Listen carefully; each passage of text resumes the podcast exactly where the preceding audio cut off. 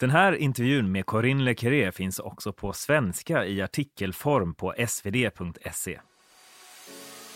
Had you ever seen anything like that, sudden drop in emissions before? As far as we could tell, this had never happened so suddenly. The last big drop at an annual level that happened at that scale was during World War II. This was on the same level as World War II then? The change certainly was on the same level as what happened in World War II in terms of emissions.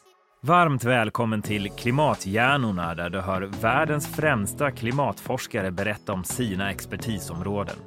Jag som är med dig heter Peter Alestig och jag är klimatreporter på Svenska Dagbladet.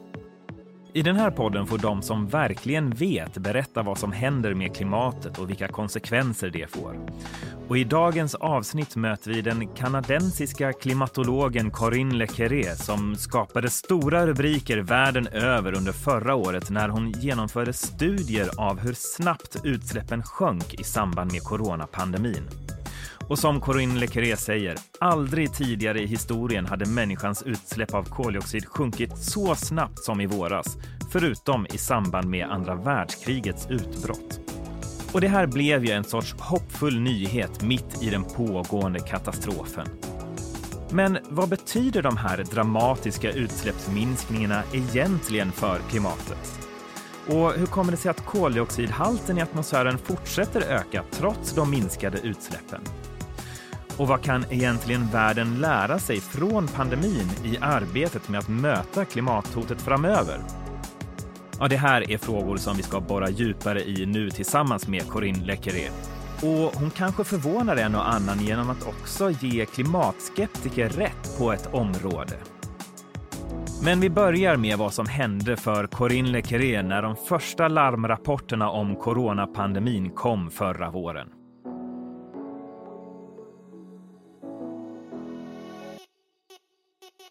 This was the most incredible experience uh, for me, uh, the pandemic, because already, uh, like in February, when uh, China went under confinement, I started to receive uh, requests from journalists, questions. People wanted to know what was going on in pollution, in carbon emissions. And as a carbon expert myself, I should have known the answer. And initially, I kind of ignored it and I thought, oh, this will blow over. How big can it be? And then, sometime end of February, early March, I started to be bombarded by questions. And I was really embarrassed that I had nothing to offer. And I got together with some colleagues on the Global Carbon Project and we pulled our brains together and thought, okay, uh, we need to answer this question. We didn't have the data appropriate to follow the change so quick. And we then sat back and thought, well, we need to devise a new method. And that's exactly what we did. So, actually, this sparked a whole new research method, research project somehow. Yeah, I mean, the pandemic uh, sparked indeed a, a, whole new research uh, method. We had to find data that could give indication of how the sectors that emit the most, like transport, like industry, like power, how these sectors were turning themselves slowly off or half off associated with the confinement. So the first thing I did is I sat behind my computer, which of course I do every day, but I started harvesting the internet for data that was relevant. And at the beginning, there was lots of data, but it was really more like incidental data, like bridge crossings was a good one. My bridge, there's so many cars crossing this year compared to last year. But it wasn't particularly useful because it was a bit too like regional.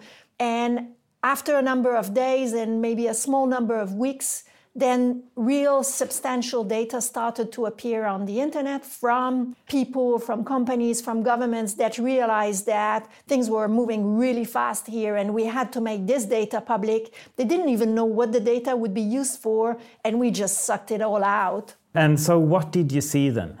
So we saw the most changes occurred in the road transport sector. So because people were confined at home, then car emissions dropped very, very suddenly, immediately like this. And these were the biggest change that we could see in countries that were under full confinement. Traffic was cut down by half in fact. We saw also changes in industry, so about a 30% drop in industrial activity at the time, and less change in power production and electricity than I had anticipated, about 15%. And there we had some question because people, I mean, obviously also still operated, but instead of going to work, operated from home. So was the electricity use at home increasing and how much? And that change, yes, electricity use increased, but I mean, just an increase of about 5%. And we realize is because, in fact, a lot of homes are already occupied during the day, so having two or three people did not actually change the use so much. So, with all these data evidence, then we were able to make an assessment day by day as a function of how many people were confined around the world. And how big was this drop that you saw then? The drop uh, worldwide at the peak of the confinement was 17% on a daily basis compared to an average day the year before. And in the countries that were under full lockdown, then the drop in emissions was bigger 30%, maybe even 32, 3% but not all countries were confined at the same time. But at the peak of confinement, we had all of US, most of Europe, Japan, part of Russia, some of Brazil. So we had really a dynamics of, of many, many countries coming to a halt together. And that's when we saw this really big drop in emissions.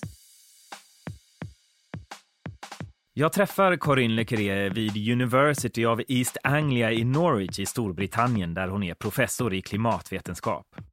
Corinne Lecré är 56 år gammal och har under sina runt 20 år som forskare hunnit samla på sig ett enormt klimat-CV. Hon har till exempel varit huvudförfattare till inte mindre än tre IPCC-rapporter och är också ordförande för en grupp forskare som varje år utvärderar den franska regeringens klimatpolitik, ungefär som Klimatpolitiska rådet i Sverige. Hennes expertisområde är just det som hon gjorde när pandemin slog till, nämligen att följa världens utsläpp av växthusgaser. Att se vad som orsakar mest utsläpp och hur mycket av utsläppen som sugs upp ur luften av växtlighet och av haven. För som vi ska höra strax så har människan onekligen den naturliga miljön att tacka för att våra utsläpp inte har höjt temperaturen på jorden mycket mer än vad de redan har. Man kan säga att all hennes forskning handlar om två ord som de flesta av oss säkert har hört, men kanske inte tänkt på så mycket sedan läraren pratade om dem i skolan för länge sedan. Men det är två ord som är absolut avgörande för att förstå klimatförändringen och för att se vad vi kan göra för att bromsa den. Det handlar om kolets kretslopp. It took me a while to find my specialty, but I started studying uh, physics at uh, university And then I moved from physics to meteorology, which is an application of physics, which I found super interesting, actually fascinating. I love the weather. And while doing this program, I got slowly attracted to the oceanography part of the program, so meteorology and oceanography. And I then started to work in that field with a professor that was a specialist in the carbon cycle. And that's when really I found my intellectual home, so to speak. I mean, the carbon cycle I find particularly fascinating because it has so many facets. It has physics, it has chemistry, biology is a really important part, even core part of the carbon cycle. And then there's all these human dimensions with the emissions. So, how does the carbon cycle actually work? So, the carbon cycle is a really interesting aspect of what we call the Earth system. So, that's the Earth, the atmosphere, the oceans, and everything. And in fact, uh, the contemporary carbon cycle, so where carbon circulates in the environment, uh, is super important for understanding climate change. So we emit CO2 in the atmosphere every year, massive amount from burning fossil fuels in particular, but also some from deforestation and other use of land. But of all the CO2 that we emit, uh, less than half stay in the atmosphere and causes climate change. And the bigger fraction, 55% on average, is in fact sucked up, absorbed by the natural reservoirs, the land and the ocean. And this is the natural environment. And therefore, these natural reservoirs, which we call carbon sinks, are slowing enormously climate change. And understanding these carbon sinks, how they behave, how they will change in a world where CO2 increases in the atmosphere and climate warms is really fundamental to making good projections of future climate change. So we know what the carbon dioxide does in the atmosphere. It heats the earth, right? But what does it do in the carbon sinks? What effect does it have? So one of the biggest sink is vegetation, is forests. If you increase CO2 in the atmosphere, forests grow more. It's like vitamin. The tree tissues, the vegetation tissue is made primarily of carbon. The higher the CO2, the more it's able to take. But there are limits to this uh, because at some point it runs out of water or runs out of other nutrients. So this effect saturates through time. So this carbon sink weakens the higher the level of CO2. This is so interesting because, you know, as a climate reporter, I often get feedback from people who are maybe a bit more on the skeptical side saying that CO2 is actually plant food. So it's actually good for the vegetation of the planet. Uh, for the vegetation of the earth, uh, CO2 helps to grow more. That's correct. And in fact, the forests grow more than what we deforest. So there's more growth than there is deforestation at the moment, but in different places. And it affects, of course, also the biodiversity because the deforestation is, in fact, by definition, removing some thriving forests. But indeed, the carbon sink is really a reflection of densification of the existing forests. Therefore, we should not cut them because otherwise we will lose this carbon sink. Ja, här studsar säkert en och annan till, men det stämmer faktiskt att jorden har fått mer skog. Detta trots omfattande skogsskövling i Brasilien och i andra delar av världen. En uppmärksammad studie visar till exempel för några år sedan att det globala skogstäcket hade ökat med 2,24 miljoner kvadratkilometer mellan 1982 och 2016. Och den här trenden syns faktiskt också i Sverige. Även här växer skogen mer än vad som avverkas varje år. Men som Corinne Lequeré säger, det finns en avgörande skillnad mellan den gamla skogen och den nya skogen. Den nya växer inte på samma plats som den gamla, vilket gör att den biologiska mångfalden ändå drabbas mycket hårt. Djuren i Amazonas gynnas ju inte av att skogen växer i till exempel Sibirien. En del av skogstillväxten sker också genom att barrskogsbältet på norra halvklotet kryper allt närmare polerna. Här i Sverige innebär det till exempel att trädgränsen på våra kalfjäll rör sig allt mer uppåt för varje år som går. Och dessutom så visar det sig att den här gödslande effekten som koldioxid har på växtligheten på jorden också avtar ju mer koldioxidhalten ökar, påpekar Corinne Lequeré. Frågan är alltså hur mycket mer gratishjälp vi får från världens skogar i framtiden när det gäller att lagra den koldioxid som vi släpper ut. Are we approaching this place then where the limit of how much they can take up, the, the plants? It's difficult to say exactly where the level is. There are experiments that look at this, but they're really variable from place to place because it depends on what other resources the vegetation needs, like water and nutrients and soils and therefore it's really dependent on location. So that's the carbon sinks on land. What happens in the ocean? In the ocean, the picture is quite different. The ocean carbon sink is mostly a physical and chemical process. So the surface ocean absorbs, so carbon, CO2 just dissolves in the ocean, and then it goes into a different form, so not CO2 but bicarbonate, and CO2 exchange with the atmosphere, but bicarbonate actually is essentially isolated and then these molecules are transported to the deep ocean so that the ocean is a vast store of carbon, 50 times more carbon in the ocean than in the atmosphere. And eventually the fate of CO2 will be to end up much of it in the ocean, but that's a very slow process. However, as you warm the ocean, the solution of this gas, it becomes less because it dissolves less in warm water than in cold waters. As the ocean circulation also changes, there are some effects of weakening the carbon sink, particularly potentially in the Southern Ocean. And there are also a lot of known unknowns that have to do with the acidification of the ocean because CO2 is a weak acid. You put it in the ocean, the ocean becomes more acidic. The ecosystem responds to this in ways that is, in fact, super difficult to know. You know, at the species level, you can do experiments with this, but at the full ecosystem level, how is the full ecosystem in the ocean going to respond to this?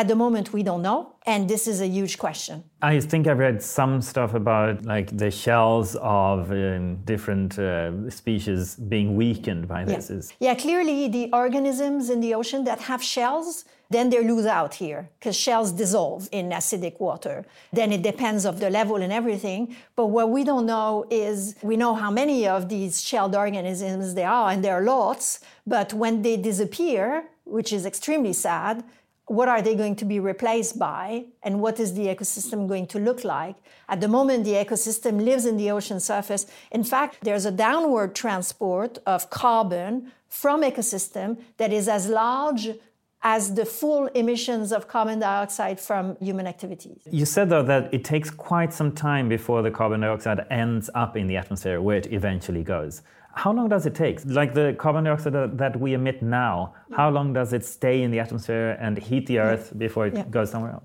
So the CO2 that we put in the atmosphere stays a long time. It gets absorbed by these carbon sink, but it stays 100 year on average. Some of it goes away a lot more quickly because it's absorbed by the sink, and some of it stays very, very long, 10,000 years and longer. But on average, it's about 100 years. And that's why it is so important to tackle carbon dioxide when trying to tackle climate change, because as soon as we put emissions in the atmosphere, there's a long tail to what we're doing. And how long does it take from when it leaves the chimney uh, until it starts heating the atmosphere? Straight away.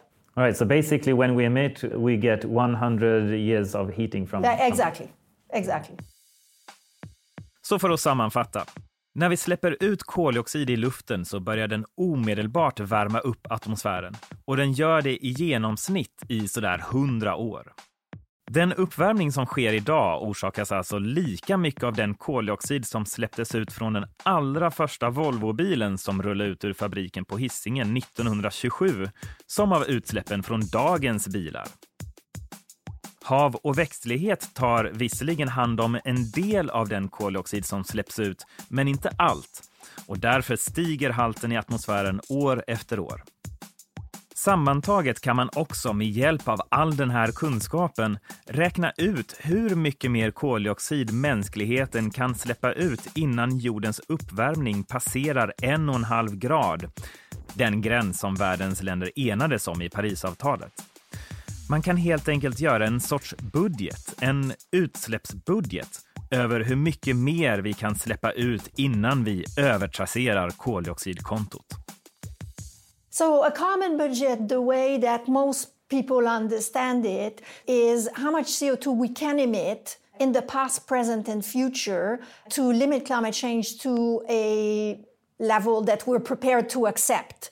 And the level that is in the Paris Agreement is well below two degree with pursuing efforts to limit climate change to one and a half degree. And one and a half degree is a lot less risky than two degree, I have to say. So that's what really governments should strive for.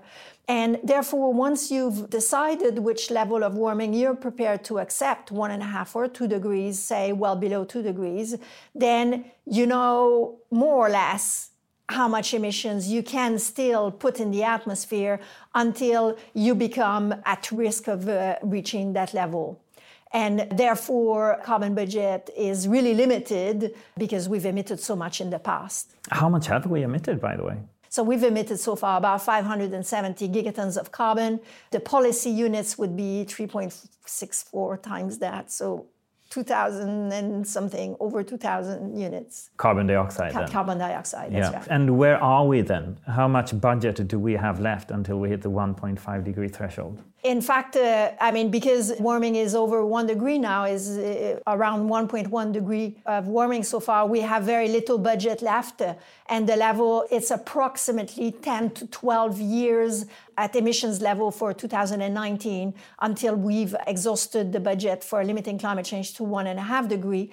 And of course, the closer we get to this limit, the more there are uncertainties about particularly what we do with the other gases, which come and complicate the picture. But there's no doubt that it's a very small number and that therefore the action needs to be really super rapid. 10 to 12 years, in my years, that's nothing. Is it even possible? Yes, it is possible. I mean, it's possible if we start now, because this 10 to 12 years is at current level of emissions. Of course, if the emissions start to drop and they drop rapidly, then we can spread this carbon budget later.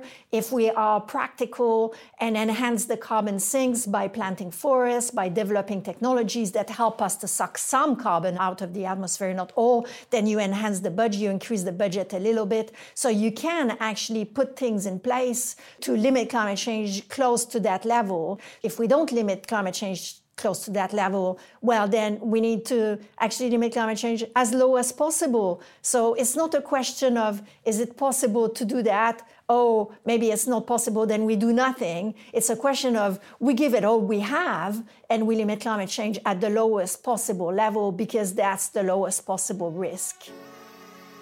Ja, under förra året hände något som aldrig tidigare inträffat. Mänsklighetens utsläpp sjönk med 7 procent enligt nya beräkningar från Global Carbon Project. Now one very rare positive effect of the past few months has been on the environment.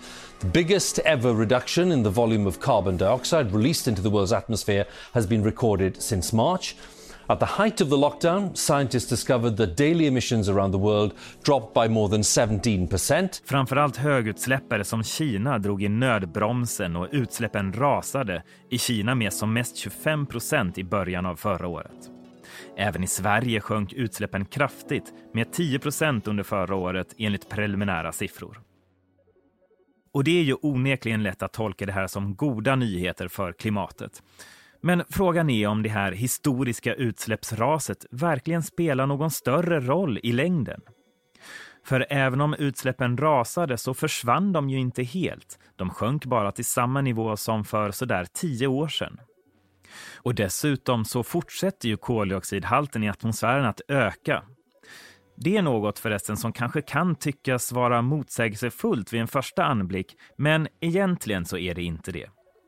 Om du tänker att du fyller ett badkar med vatten så slutar ju inte vattennivån stiga bara för att du minskar trycket i kranen med 7% Och nu kommer också tecken på att utsläppen stiger snabbt igen.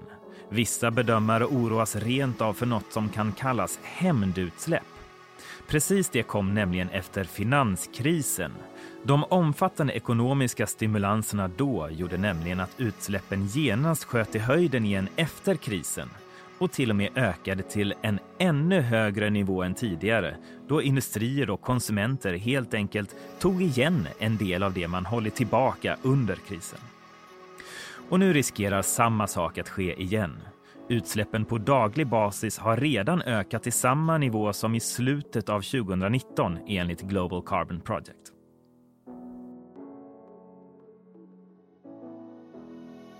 So, if uh, the emissions decrease like they have done in the pandemic over the full year, year on year, this is the kind of decrease that we would need to limit climate change to one and a half degree. But obviously, the decrease during the pandemic was unbearable. I mean, this is not the way to tackle climate change. The measures were all forced behavior measure, very, very severe mental and physical health impacts.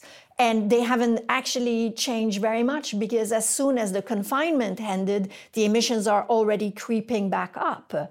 And this is because there's been no structural changes in the pandemic. We have the same roads, the same cars, the same houses and heating system, the same industry. So all these things which are responsible for our emissions in the long terms haven't changed. I think, you know, with the first reaction that people got, seeing that the emissions dropped very rapidly, that's like, you know, good news for climate. That's how people saw it. But maybe with this perspective, then that's not how you should interpret it. That's right. So the decrease in emissions in the pandemic was actually very small compared to what is needed to tackle climate change.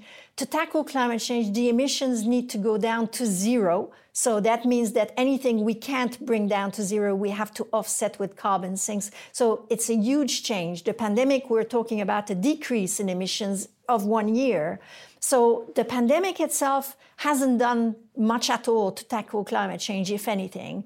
But what is arising as an opportunity in a way is what we do to get out of the pandemic. So, the economic stimulus that we're putting in place now across the world to sort of help the economy thrive tomorrow, the way that these economic stimulus are oriented could make a massive difference in helping to tackle climate change if they are oriented in a way that changes this sort of network of infrastructure and society that we're stuck in and if we invest this in, in the infrastructure of tomorrow. What conclusions can we draw from the drop that happened during the pandemic and how it will affect climate change going forward? We can draw many conclusions from uh, the COVID episode. One, if we tackle transport emissions, then the emissions go down straight away. So it's a very elastic sector, so to speak. Two, that behavior change alone is not very effective.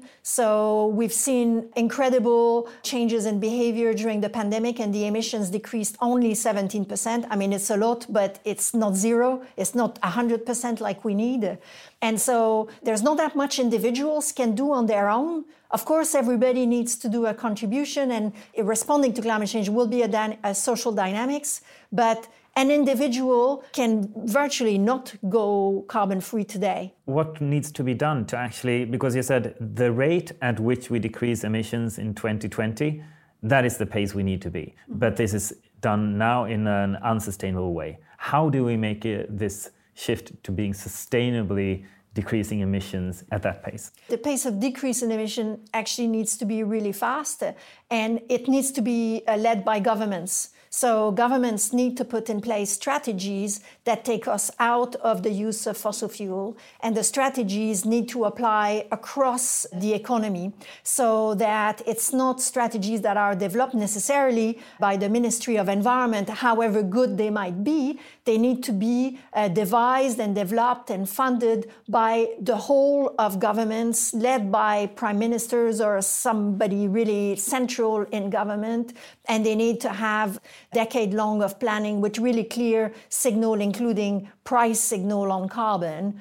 And so there's a lot of work in planning to get out of climate change. Climate change is not something that you decide as we've seen, I mean, lots of governments have declared climate emergency and then you do nothing about it. If you declare a climate emergency, then you need to plan for over a decade of changes within society to, for example, provide alternatives for individual car transport, move your entire car fleet to electric, have a solution for your heavyweight lorry transport, then, you know, start tackling your housing sector if you have a problem there, then work work with your industry so that they go all their process, low carbon, their supply chain, and so on. And the agriculture is another important one. You need really a detailed, organized change that engages society so people are behind that and that thinks forward about the inequalities, about the jobs, about the costs, who pays the distribution of costs, about the opportunities and the lost opportunities, and how you deal with that process. Of all the things you mentioned now, flying is actually not one of them. How come? Actually, flying is a really big problem in tackling climate change because it's the only sector with agriculture for which we don't have today a way to bring it to zero emissions. There is no technology today that is viable to support the size of aviation that we have before the pandemic crisis in a sustainable way that brings it to zero emissions. So we haven't got electric plane. And if we're going to have one, they're not going to be available at the large scale by 2050. This is a sector that moves extremely slowly because it has very stringent security measures. You don't just fly a plane and test it out. You have to go through a lot of loophole before you can have a fleet that uses a different technology. So it's a slow moving sector. There's opportunities in fuel, in uh, jet fuel, biofuels, but you need a lot of fuel for this. I mean, we don't have that much vegetation to fuel all the biofuels that you need. You need to produce it. It uses energy. And so it's a really difficult sector to decarbonize. But today, it is a small sector. It's 3% of the global emissions. It's more in rich countries, maybe 5 to 8% in richer countries. So, whereas it's a sector that is really difficult to decarbonize, road transport has a lot more emissions. So, I think in terms of priority, you need to go after your big things first and develop a strategy for aviation, which is most likely uh, going to need to involve decreasing demand, so essentially flying less. And that is difficult to accept. It doesn't mean not flying at all. I mean, I have family in America and I really want to have some aviation, but it does mean being rational in the development of the aviation of tomorrow. We've talked about how we have 10 to 12 years basically before we reach the 1.5 degree threshold in the Paris Agreement. And we talked about how the drop in emissions during the pandemic was actually quick enough to reach that target, but done in a very unsustainable way. So it's bouncing back, right? And we talk about all these big obstacles that are there to actually be able to transform the whole system to what is needed to reach the climate goals. Mm-hmm. To me, it seems like a, a very dark picture. In all of this, is there something that brings you hope, that makes you think that yes, we will actually do this? Yes, I think it is possible at the point where we are to turn things over. And in fact, I think post pandemic, things will be really quite different. The government investment, for one, that they are doing now to restart the economy, many governments have realized and acknowledged that this investment needs to be aligned with moving towards net zero emissions, because otherwise we will move from a health crisis to a climate crisis, which is equally hard. And therefore, these investments, like a one off investment now in society, all those that will last a long time, could be aligned, could make a huge difference. Uh, there's investments in renewable energy, there's investment in electrification of mobility. There are investment also in hydrogen, for example, or battery storage. These investments could make a huge difference in the availability, the cost, and therefore the penetration in society of this infrastructure and the technology that we need for tomorrow.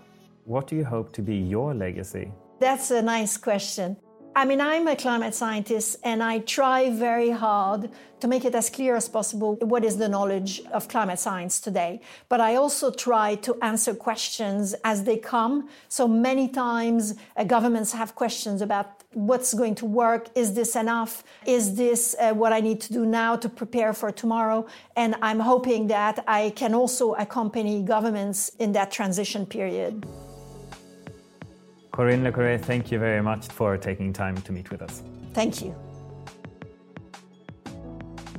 Tack för att du har lyssnat på Klimathjärnorna, en podd från Svenska Dagbladet. Klara Wallin är producent, Adam Svanell redaktör, Gunvor Frykholm är projektledare och Anna Kareborg är ansvarig utgivare. Jag själv heter Peter Alestig och jag vill rikta ett stort tack till dig som har lyssnat. Fortsätt följa vår klimatjournalistik på svd.se. Vi hörs!